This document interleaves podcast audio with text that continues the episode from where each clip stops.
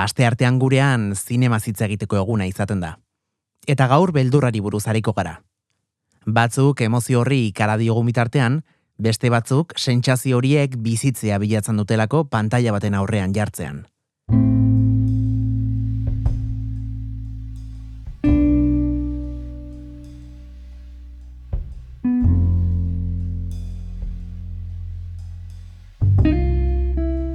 Eta beldurretik baino mundu distopikotik gehiago duen lan baten inguruan ere arituko gara solasean. Archipielagoa zain zuzen. Izan ere, proiektu hau, soinu fikzio edo podcast bat izatetik aratago ere, orain komiki bat izatera igaroko delako. Eta horretaz jarduteko gonbidatu dugu gure etxoko goxo ontara, etxe berrian aietako bat. Ispilu beltza, asier rastirekin. Xabier Etxeberria, ongi etorri gure izpilura. Eskerrik asko, asier. Kasu honetan aipatu dugu archipielagoa izango dugula izpide datozen minutuetan, eta zuek, bai zu, Xabier Etxeberria eta baita Martin Etxeberria zure anaiak gidoiaren lan hartu zenuten idazleak zarete, gidoilariak, komikian urte askotan e, esperientzia duten e, bi artista. Ez dakit konta egozu pixka bate nola, nola izan zen proiektu ederronen sorrera? Bueno, e, guztionen sorreran, e, behar bada ezautuko esun personoa dago, oier zabal.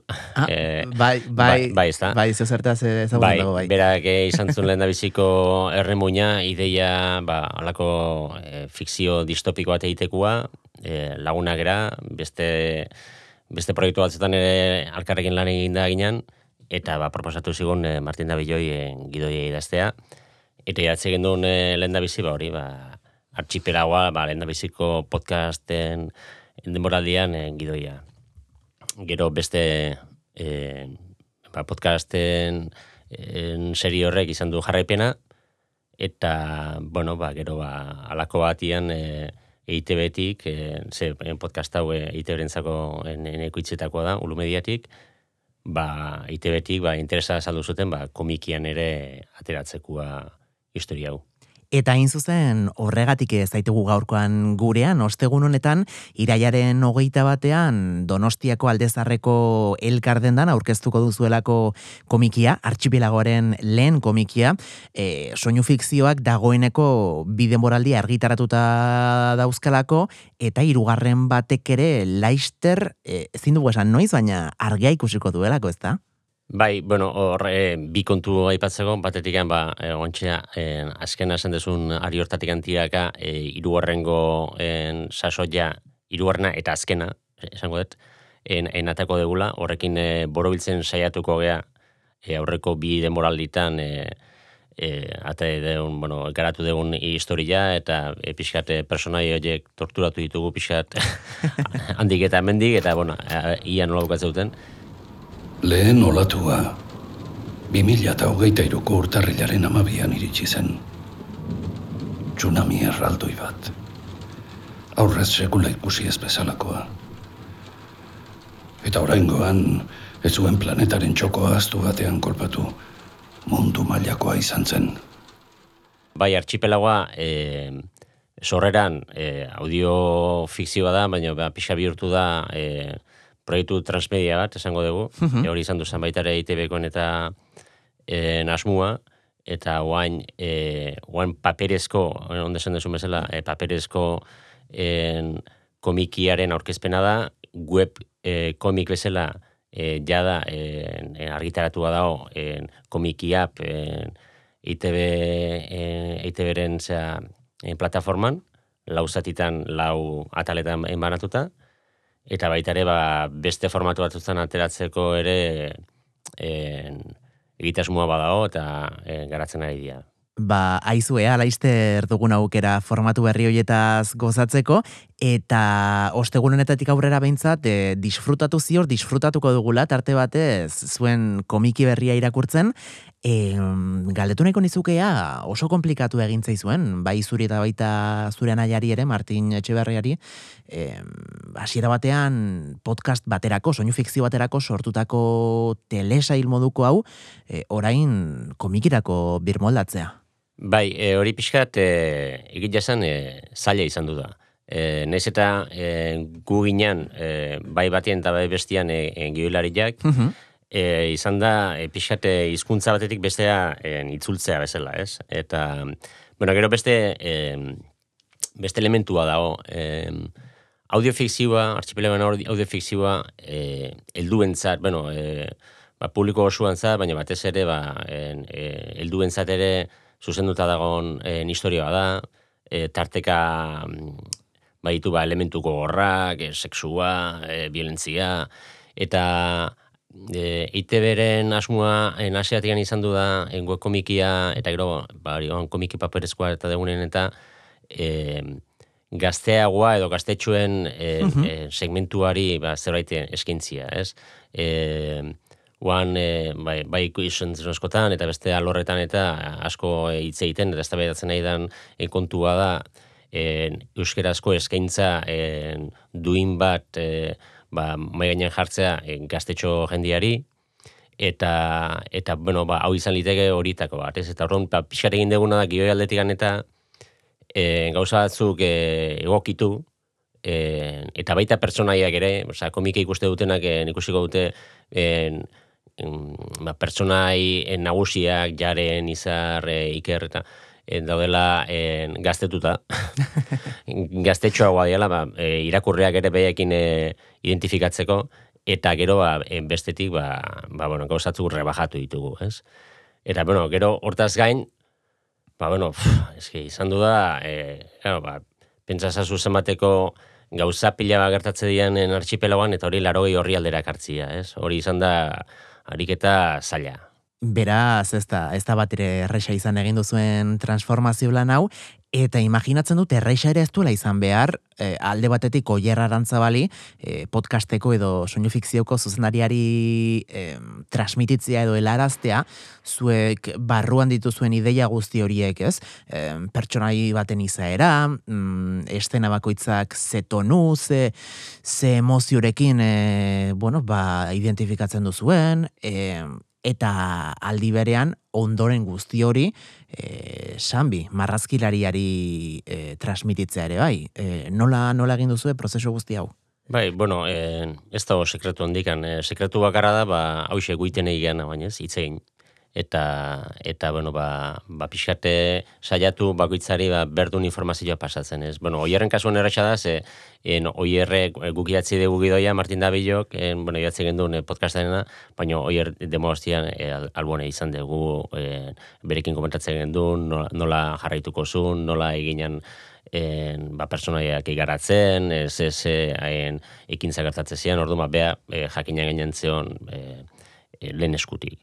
E, Sanbinen kasuan, be, berak e, ez daki euskeraz, eta horren ba, en, e, podcasta etzekanen entzuna, ba, berekin, ba, pixkate lanketa gehiago inberra izan du dugu, ba, esplikatu ze, karo, da, unibersu distopiko bat, e, ebendikan e, undapiko urtera gertatuko ana, e, nola gatzen zan, e, ba, mapa, e, geopolitikoa, persona bakoitzak ze asmo zitun, ze, e, ze zaugarri. Eta ero bestetian, claro, hor e, bi hizkuntza ezberdin izatian, e, audiofikzioak e, dun gauza polit batetakoa da, zuk entzute zu eta e, entzula bakoitzak bererara gauza batzuk e, imaginatzen ditu. Ze ez tegu guztia esplikatzen nola dan. Mhm. Ez, jare, jare... Literatura bezala, ez da? Bai, literaturaren antza gehiago du alde hortatikan. Eta, eta komikiak gehiago du zinetik, esango dugu. Ikusi mm dezu nolako dan. Bai. Ez? Eta horren ba, e, pixkat utzi dugu, e, zehaztuta ez zauden e, ezaugarritan, ba, bateako, ba, ez dakite, jare nola jantzita zegon, e, edo ez daite paisaia atzu nolako azian, pixala e, utzi dugu, e, margina beak, bere aldetikan, be, sortzaile fazeta ere engaratzeko, eta, bueno, nik uste e, komikiara e, urbiltzean e, jendeak kontatuko dela e, Star Wars o La Guerra de las Galaxias salia dela esate bateako, ales. bai. Zure, zure alabaren batek, bat baino gehiago dokazolako, esan mm -hmm. ez da? Ez zuela adibidez jare besteak beste horrela imaginatzen, edo... Bai, bai, bai, hori da. Bueno, hori pixkat beti gertatzen ez. Gogoratzen ez, Harry Potter liburuak irakurri eta gero pelikula ikusi gendunean ere alabegin eta ba, horrein, ai ba, ez nun nikola imaginatzen ez, da.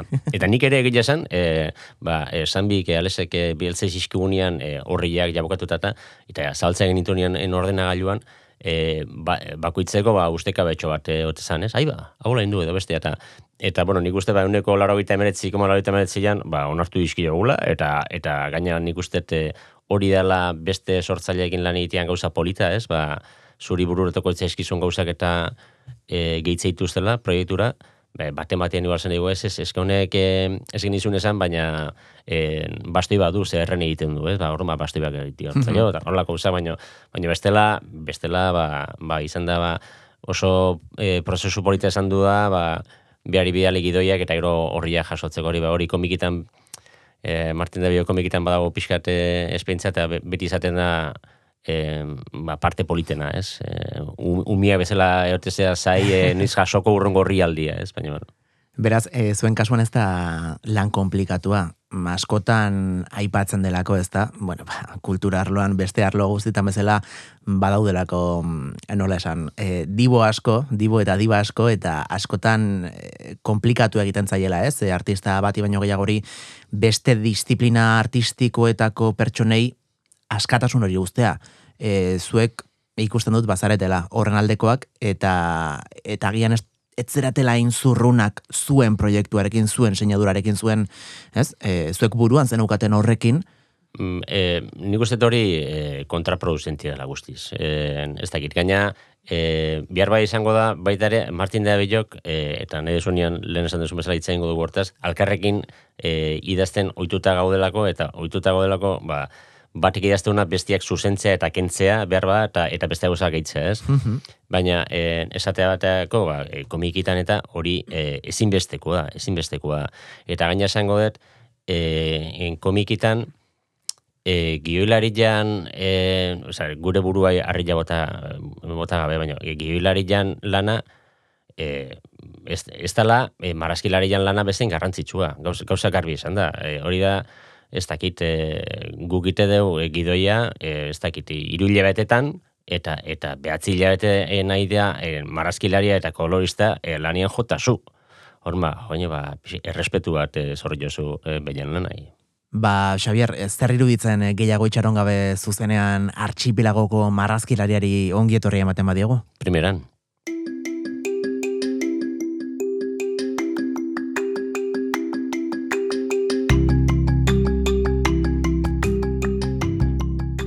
Sambi, ongi etorri gure izpilura.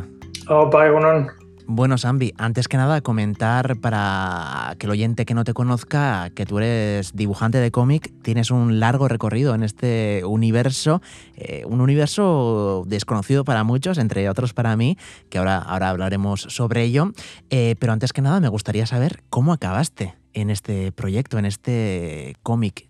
Bueno, eh, contacto conmigo Xavi eh, a ver si estaba dispuesto, si tenía tiempo para, para meternos en lo que al final ha sido eh, todo un álbum de, aventuras. Eh, el caso es que, em, bueno, coincidió, nos coincidió a, todos. Ellos ya conocían mi trabajo porque llevo varios años publicando en la revista Sabiroy aunque con un registro totalmente diferente. Y bueno, pues eh, me expusieron un poquito eh, lo que entonces era el proyecto y, bueno, pues muy sugerente, me parece muy sugerente y eh, me lancé un poco, un poco de cabeza. Aparte que tenía un reto nuevo esta vez, porque si bien soy dibujante de, de cómic desde hace un montón de años, es la primera vez que, que eh, tengo un proyecto tan a, largo eh, plazo, en el sentido de que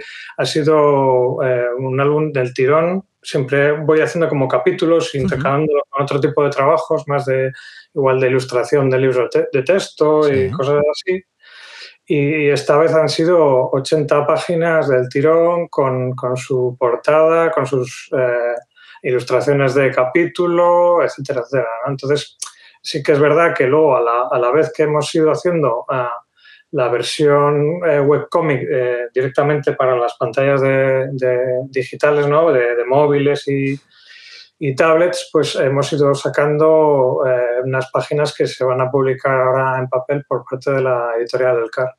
Como ya he comentado antes, Ambi, nunca he tenido el placer de sumergirme en este precioso universo que es eh, el mundo del cómic, pero Xavier, eh, más de una ocasión hablando con él fuera de los micrófonos, me ha comentado, ¿no? Como mm, en las grandes producciones, que, este no es el caso, eh, haciendo tu trabajo, exactamente lo que tú has hecho para Archipelagua, eh, suele haber hasta tres o más trabajadores. Sí, sí, sí, exactamente. Estoy, eh, yo hago un poco el, dibujo a, tinta y luego, una vez que tengo la página acabada, yo se la paso a, Sergio Román eh, Serdias, que así se hace llamar, y, él eh, hace que luzcan el doble o el triple. Entonces, sí que es verdad que en, digamos, en el eh, comic eh, book americano, en, la industria de superhéroes sobre todo, pues em, todas las facetas del trabajo están muy compartimentadas, ¿no? Hay gente que se dedica al guion o al argumento, alguien que, que, lo pasa, digamos, a es el dibujante, al lápiz, hay entintadores, hay coloristas, eh, rotuladores, en, fin. O sea, gente que se dedica exclusivamente a poner el texto y las onomatopeyas, en fin, está todo muy compartimentado. Bueno, en este caso eh, no estamos todas aquí. falta Martín pero, y falta Sergio también, Sedías. Y, yo quiero decir por nuestra parte, por la parte de los guionistas, que ha sido un lujazo trabajar con, con Sammy y con Serias. Eh, son dos cracks increíbles. Eh, es increíbles el trabajo que han hecho. Eh, tal como decía Sammy, ha, sido un maratón. 80 paginazas, es un álbum potente. Sí, sí. Y, bueno, cada, cada, ya te he comentado antes cuando hemos estado hablando, con, cada página que nos enviaban por ordenador era una pequeña fiesta, una pequeña joya que, que nos enviaban. Y, yo creo que eh, tanto Sambi eh, como Serias eh, son dos perlas aquí autóctonas, bueno, vizcaínas, pero que igual no son tan conocidos. O sea, a mí me da mucha, mucha rabia que, que, no los tengamos en el, en el, en el podium que deberían estar, porque son, lo que he dicho, dos cracks. Wow, vaya piropos ¿eh? que te ha dedicado Xavier Sambi. Eh, no sé cómo ha sido eh, bueno, trabajar en colaboración con los hermanos Echeverría. Eh, ¿Ha sido complicado lo que te decía antes? Después de lo que te he dicho ahora me tienes que decir buenas palabras. claro, porque al final me imagino que también habrás tenido que hacer el ejercicio de meterte en la cabeza de Martín y de Xavier también. Sí, no, la verdad es que esto ya, ya lo hemos hablado con ellos. ha sido un proyecto muy, muy, muy bonito en el sentido de que eh, todo ha ido eh, sobre ruedas. O sea, eh, en general, en proyectos tan, tan largos en el tiempo, pues siempre surgen problemas o... esta vez hemos tenido una suerte, creo, increíble. En, el primer momento ya contacté enseguida con, con, Sergio, para, con Serdias, para ver si estaba interesado en en, colorear las páginas y eh, tuvimos realmente mucha suerte de que nos dijera que sí, porque es alguien que anda muy, muy liado con proyectos para, sobre todo para, para el mercado franco-belga, donde ya tiene una trayectoria eh, larga y dilatada. Y, la verdad es que eh, yo tenía mucho miedo al principio por, por, lo que llevo comentando un rato, y es que es un proyecto muy largo, y eh, sí que conocía el trabajo de, tanto de Martín como de, de Xavi, pero eh, había que colaborar, había que adaptar cosas que, ya habían desarrollado en el podcast y eso había que ver cómo funcionaba. El caso es que eh, no he podido trabajar más a gusto, la verdad. Lo, digo, lo digo de corazón porque ha sido muy, muy gratificante. Te pago un trago, te hemos, hemos, hemos, tenido oh, mucha, mucha libertad para, para hacer lo que, lo, lo, que quisiéramos, ¿no? Y eso siempre es muy, muy, muy de agradecer. No, no tienen una idea muy, digamos, eh, poco moldeable o, permeable, sino que según íbamos eh, incorporando pues matices o qué te parece si esto es así o asá. siempre han estado súper abiertos. los guiones han sido muy sencillos y muy a la hora de, me refiero a la hora de, de trabajarlos, ¿no? Y es muy, muy, muy, muy de agradecer. Eh, Sambi, es verdad que tú estás un poquito en la mitad ¿no? de, este proyecto en concreto y, de los demás en general, porque siempre en el trabajo previo están los guionistas, el escritor que crea la historia, eh, que le da forma a los personajes, luego estás tú, el que bueno, pues, eh, los dibuja, el que plasma todo eso en una hoja blanca y después está el colorista, el que rellena tus dibujos me imagino que también de manera muy particular, eh, dependiendo de cada artista. A todos ellos les tendrás que tener muy en cuenta, ¿no? Sí, sí, sí. Es que es lo que te decía antes. Eh, en, mis colaboraciones para la revista Sabiroy, el registro que manejo ahí es más de humor, de chiste de página. Colaboro con, en otra sección con, en otra serie, con, con una Iturriaga. Eh, y es más de corte humorístico, ¿no? Entonces, claro, evidentemente los tiros no iban por ahí. Eh, así que eh, ha sido intentar un estilo nuevo que es cierto que, esto lo, una vez que Díaz me dijo que, que, aceptaba acompañarnos en el viaje, pues lo hablé con él, tenía, él también tenía sus propias aportaciones, digamos, de le apetecía hacer cierto tipo de cosas y lo, lo hablé con él y eh, eh, lo fuimos definiendo eh, poco a poco. Mm, al final, quiero decir que nos fuimos acercando poquito a poco a lo que al final el lector va, va a tener en sus manos. Eh, Xavier, eh, contigo es verdad que bueno, nos hemos tomado más de un café hablando sobre el mundo del cómic y siempre al final eh, hemos tenido que acabar eh, mirando hacia afuera, ¿no? por las circunstancias que nos rodean. Mm, ahora me gustaría, tanto contigo como con Sambi, en vez de mirar hacia afuera, mirar hacia adentro. No sé los dos cómo veis la salud del cómic en Euskal Herria.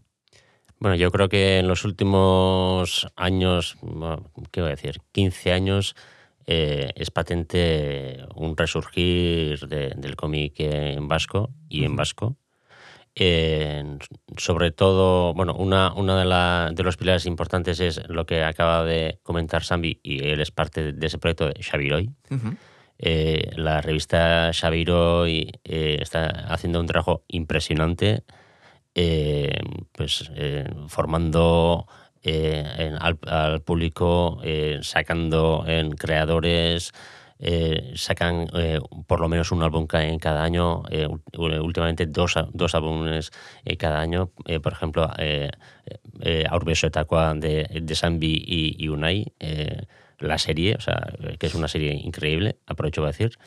Y por otro lado también, pues, editoriales de, de, aquí que, que están en, eh, apostando por el, cómic o la novela gráfica en euskera. Por ejemplo, pues Elcar, que es la que nos va a sacar Archipelagua, es una de ellas, pero también eh, que es, una...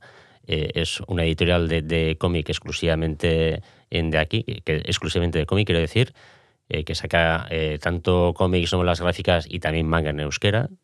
Eh, ah, Astiberri, eh, que es una editorial de libro que saca también en castellano y en euskera, que es una de las editoriales más potentes del Estado español y a nivel en europeo. No sé, o sea, hay... Pero la verdad es que, bueno, lo que tú decías, luego para em, pagar las facturas a, fin de mes, pues tienes que hacer muchos trabajos y, quieras que no, pues mucha fuera paga más. Bueno, fuera según en qué sitios, pero el mercado eh, franco-belga, que es el que tenemos aquí al lado, pues, eh, por ejemplo, pues lo que decía Sandy, eh, Serias trabaja para el, franco, para el mercado franco-belga con mucho éxito, eh, porque además hay un, mercado más grande, hay más editoriales, pero bueno, en fin, yo creo que, que vamos bien, queda mucho todavía para, para llegar a, a ese nivel, pero, pero vamos bien. ¿Tú cómo lo, tú cómo lo ves, Ambi? Sí, un poco corroborar un poco lo que dice Xavi y eh, sobre todo yo tengo un recuerdo de mi, de mi, primer, de mi primera soca de Durango como autor, eh, hace ya un porrón de años, claro.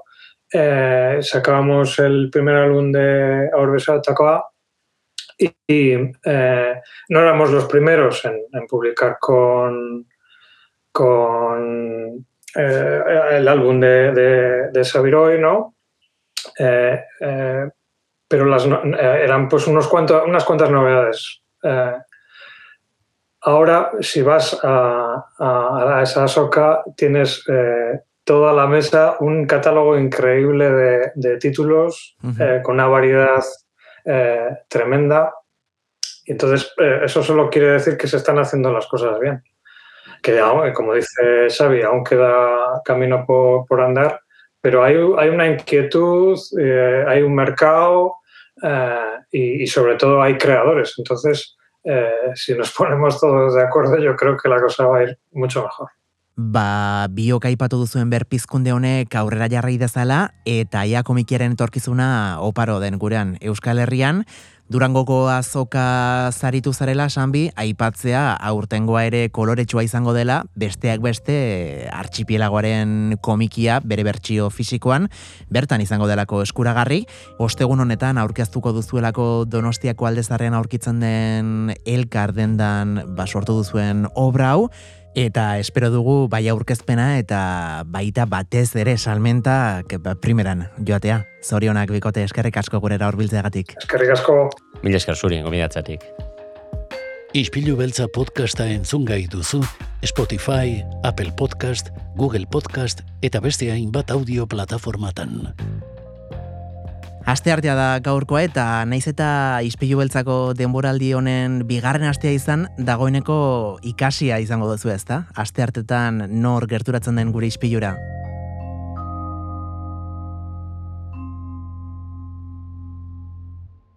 Josemi Beltran, ongi etorri? Kaixo, ongi etorri. Nola, nola, nola esaten den japone, japonieraz. ba, nik ere ez degia esan, harrapatu nauzu, eta, eta zergatik, eh, japonieraz ba? Ah, bueno, gaur, gaurko gaia Japonia, Japonia delako. Ah, bai. Aizu oso modan dago, eh? Japonia, bueno, dago, mm, darama. E, azkenengo urteetan, e, e, Japonia eta Japoniako kultura guzti hori, ez da? E, zinemaren bidez ere, asko zabaldu dena e, gure gana. Bai, gainera itxegin genuen pasaren astean, bueno, jakin alde batetik e, Miyazaki, Miyazaki den azkenengo lana egongo dela zinemaldian, bestaldetik beste Japoniako film modernoak egongo dira zinemaldian, eta ba, ez genuen komentatu, baina atxera begirakoa, tengo atxera begirakoa baita, da e, Hiroshi Tesi Gajara ze, zuzendariarena, nik ez de nun ezagutzen, hori haupatu behar dut. Ez, nik ere enaukan entzun da ez?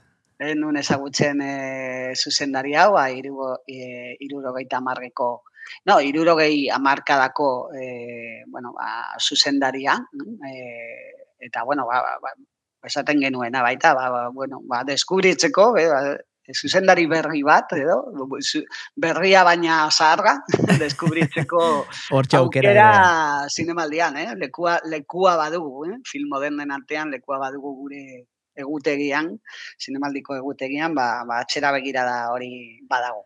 Bai, beti, e, bitxia da, ez da, zinemaldian nola dugun aukera, e, iaia etorkizunera begiratzeko, oraindik estrenatu ez diren filmak lehenengo aldiz e, gozatzeko, e, bai aurten bertan estrenatu diren beste film batzuk berriz ikusteko, eta baita ere, rest, re, er, Jesus, esango dut, retrospektiba horiek ez da, atzera begiratze horiek ere, e, badauzkago, beraz, e, iru norabidetan e, begiratzeko aukera ematen dugu kasuanetan donostiako zinemaldiak, eta kasu honetan gaur Japoniaren inguruan arituko gara, e, okendo kulturetxean iraiaren amalauan estrenatu zelako erakusketa bat.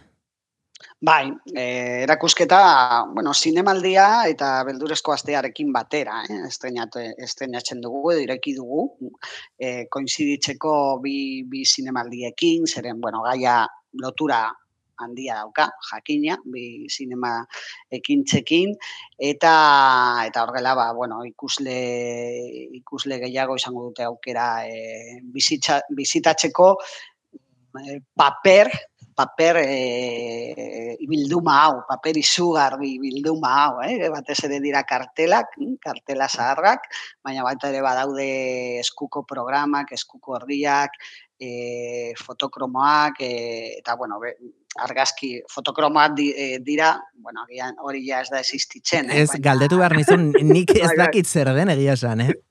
Bari, bueno, ez da inbeste pasatu, baina bueno, duela esain beste sinemaretoetan ba zeuden e, e, filmen irudi batzu jarrita kaltelaren ondoan, uh -huh. e, bakarrik e, foto fija batzuk edo sei izan daitezke, sei sortzi normalean eta hori Instagram edo sare sozialak edo YouTube e, eduki baino lehen hori zen gure gure kontaktua filmaren irudiekin. Hori zen hola baite, trailerra garaikoa? Bai, eta estatikoa, esan dezakegu, eh? argazki batzuk jarri karteldegian, eta karteldegian, ba, normalean zegoen posterra, eta ondoan, ba, serie hori, argazkien serie, serie hori, eh? eta, bueno, ba, Espainiako baita ere zinemetan, egon zen, ba, ba, adibidez, laragoiko amarkadar arte, edo laragoita amargeko amarkadar arte, egon ziren eh, argazki horiek. Ah, begira, enekien, eh? Ze bitxea. Ba, ja, gero etorri zen internet eta bar, baina bueno, orain ja badira e, ba, bildumak egiteko ba, itxaki bat. Eh? Eta, bueno, ba, askotan asko kostatzen dira. Normalean, banatzaile batek eh, ateratzen zitun, ba, agian, ba, guztu sortzi zirela, bai, sortzi zei zirela, argazki e, postergarekin. E, eta eh, duela aspaldi, aspaldi, aspaldi, ze, e, ziren kartoizkoak baita. E, ah, Zan daiteke paperezkoak edo kartoizkoak. Eta kartoizkoak ba, dira zaharragoak eta jartzen ziren, ba, bueno, iaia klaboekin edo hormetan jarrit. eta ja da zeukaten iaia ia pisua. Ba, hoietako batzuk ikusgai egongo dira bilduman, eta jakina, e, ez bakarrik estatu, ma, estatu edo Espainiako estenialdiarekin lotuta, baizik eta Japoniako estenialdiarekin lotuta. Eh? Orduan, ba, estetikoki, pentsa oso ikusgarriak dira, bai posterrak, e, posterren diseinua, eta eta ba, fotokromo horien diseinua, eh? oso, bueno, benetan oso, oso sugerentea da, e, eta oso ikusgarria eta polita da, e, erakusketa. Beraz, e, erakusketa horretan, e, okendo kulturetxan aurkitu genezakena oso fisikoa da, ezta? E, ez du zer ikusirik digitalarekin? Ez, ez, guztiz, guztiz, guztiz, guztiz fisikoa, eta e, eta askotan margazkiak, eh? E, irudimena, irudimena lantzeko irudiak, zeren askotan, ba, bueno, hemen agertuko dena izango dira ba hori da sinema beldurezko sinema eta fantasiezko sinema Japonian. Eh e, asita berrogeita margeko hamarkadatik aurrera eh esan dezakegu aipatu dezakegu urrezko aroa mamuen urrezko aroa mamuen historien urrezko aroa ja zeren ba, Japoniako mamu horiek ez ziren agertu lehenengo aldiz e, derdin bezalako filmetan, baizik eta oso zaharrak dira, e, antxinako kondairetik, kondairetatik, eta lehenengo film horietan agertu ziren, agertzen ziren mamuak, edo, edo jokai, vampiroak, edo, edo zientzia fikzioa ere bazegoen, da edo, ah, edo, edo monstruak, jakina, kai jueiga e, filmak, e, gotxila bezalako filmak, e, hori ere izan zen, ba, peste zu genero bat, e, eta horrela... Osa aurreratu, no? gara irako, ez da, Josemi? Bai, gainera zintza ba, bueno, e, bueno, estatu batuetan ze, zeukaten King Kong, e, pentsa King Kong ja izan zela mila bere dutxeron hogeita hogeita marrikoa edo eta edo pizkatu pizkatu gehiago eta gero esaten da, eh? Bai, oso oso zarraia da kinkon, eh? Monstro, monstro hori, eh? E, eta Godzilla ba pizkal modernoagoa da, zeren eh, aro atomikoko semea da Godzilla, eh? beti kontatzen da nola, bueno, ba Godzilla pizkat eh ordezkatzen zuen ba, beldurra e, ba, hori, e, bomba, bomba atomikoari edo. Mm? E, zeren bomba atomikoaren ba, semea da, eh, eta radiaktibatatetik e, agertu zen mustro hori, edo esnatu zen mustro hori, baina konektatzen zuen ba, e, beste mustro zahar batzuekin, eh, kondairen beste mustro zahar batzuekin. Ba, mustro horiek guztiek lehenengo aldiz guguk ikusten genuen ba, marrazki batean. E, ez genuen filma ikusten, edo filma ikusi arte ez, ez genekien nola ziren.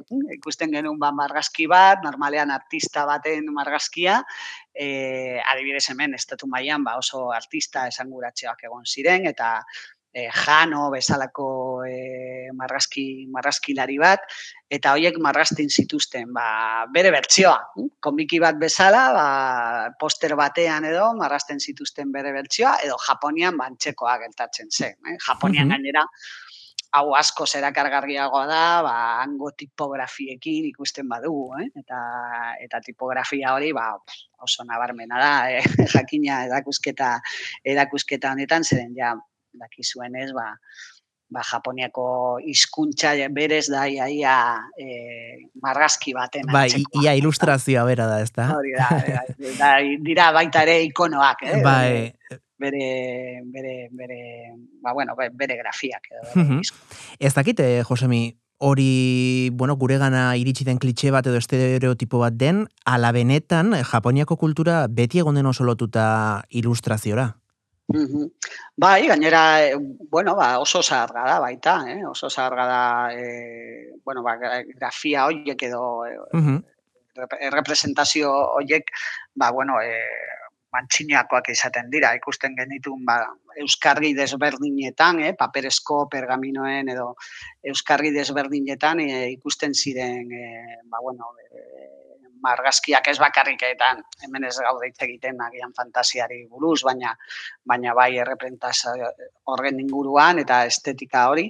Eta, bueno, esan dezakegu, ba, mundu bestaldetik mundu sobrenatural hori ere beti egon dela e, sartuta oso modu naturalean e, egunerakotasunean baita. Bai e, herri mailan batez ere, no? herri uh -huh. herrien bai. kulturan eta eta bueno, gero azkenengo hamarkadetan baita ere, bueno, lotu egin zen ba, iriko kulturarekin, adibidez, de, de Ring pelikula edo jarraian etorri ziren pelikulak baitare horiek internetekin edo telebistarekin batera e, garatu ziren eta eta evoluzio bat izan zen, ba, betiko mamuen evoluzio bat, baina e, gaurko mundura ekarrita. E, betiko mamu hori, e, e, hile luzeko beltxarana, bai. luzeko neska, hori oso zaharra zen. Irudi hori, Japoniako irudi hori oso antxinakoa zen, e, fantasma hori bezalako mamu bat, baina gero, ba, bueno, e, telebistaren bitartez, e, bideokluaren bitartez eta bar, ba, ba bueno, e, modernoa e, bihurtu zen, modernoa. Jo, askotan uste dugu, ez, e, horrelako ikonoak eta horrelako iruditeria ba nahiko moderno edo nahiko garaikidea dela, baina benetan, ez, e, horren jatorria e, aztertuz gero, ba, konturatu gaitezken hola horrelakoak e, askoz ere zarragoak diren guk e, pentsatzen duguna baino.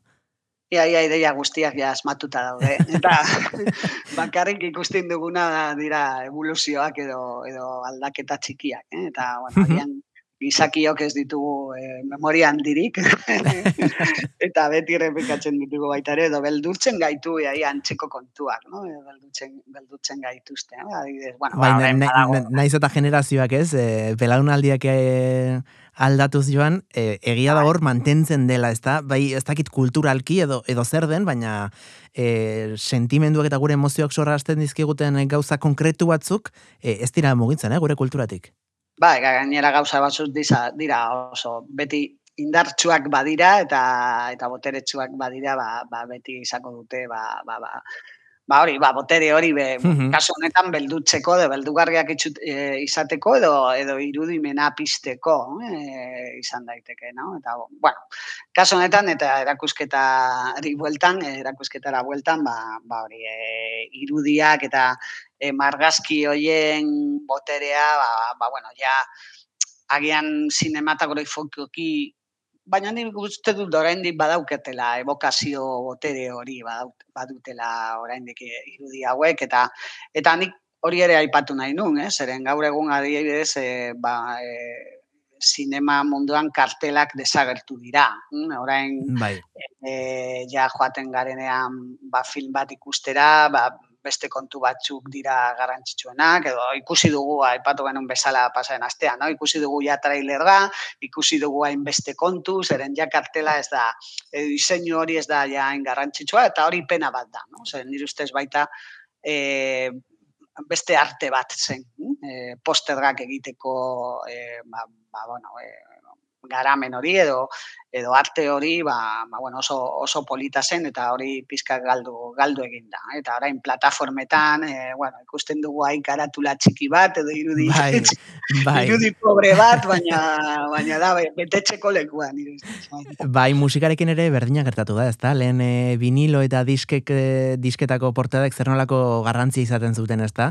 E, eta, eta zer nolako espektazioa ere sortzen zuten, ze noski filmaren aurretik e, lehen kartela e, bueno, ba, aurkezten zen, eta horren arabera ere, bueno, bakoitzak bere inoiz, e, baina beto esan da, bere pelikulatxoa montatzen zuen e, buruan, ez da?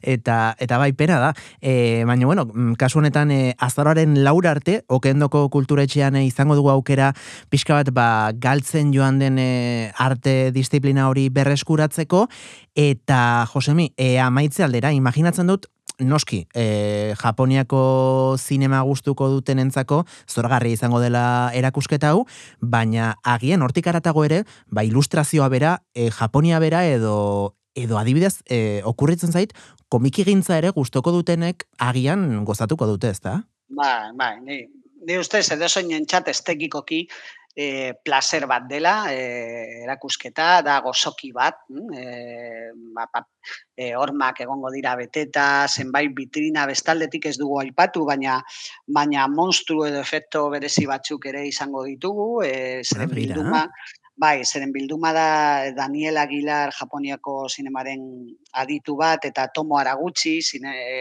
zinegile baten, bueno, ba, bilduma da hau, e, Tokiotik etorri da etorri dira material material guztiak. Eta tomo tomo ara gutxi utzi dizkigu ba zenbait e, efektu berezi. Zeren berak bueno, lan egin du zenbait filmetan eta izango ditugu baita ere ba hiru dimentsiotako e, mustro batzuk, ez asko, baina bai ikusgarriak eta politak, eh? e, katu handi bat, e, samurai bat, e, sirena, ah. mustruosa bat edo, esan dezakegu. Eta bai, ba, beste irudu mentxetako zenbat objektu egongo dira baita ere. Baina bai, interesgarrian irustez, bai, familia guztiaren txat eta ikono horiek e, ezagunat direnak, e, gotxila edo beste monstu edo, edo mamu e, batzuk eta eta agian ez hain ezagunat direnak, baina bueno, guztiak e, guztiak e, politak eta ikusgarriak. Ba, ba hortxe gombita luzatuta, e, azaroaren laura arte izango dugu aukera, ba, aipatu dugu, fantasiazko zinema japoniarraren ikonoak erakuske eta ikusteko, eta gogoratu, eh, larun batetan ere, okendo kulturetxea zabalik egoten dela, bai goizez, eta baita arratsaldez beraz, aitzakiarik e, ez du inorrek, e, bueno, ba, erakusketa ontaz gozatzeko. Josemi Beltran, mila milioi esker gure izpilura gerturatzegatik, eta aizu, e, urrengo astean, zinemaldian zehar izango zaitugu gurekin, baina hasiera honetan, ostira aurrera, gozatu, gozatu eta gozatu, eh? Bai, errela egingo dugu, eta ikusiko gera alkar zinemaretoetan, zion nago. Dudarik ez, besarka erraldi bat, Josemi. Besarka da.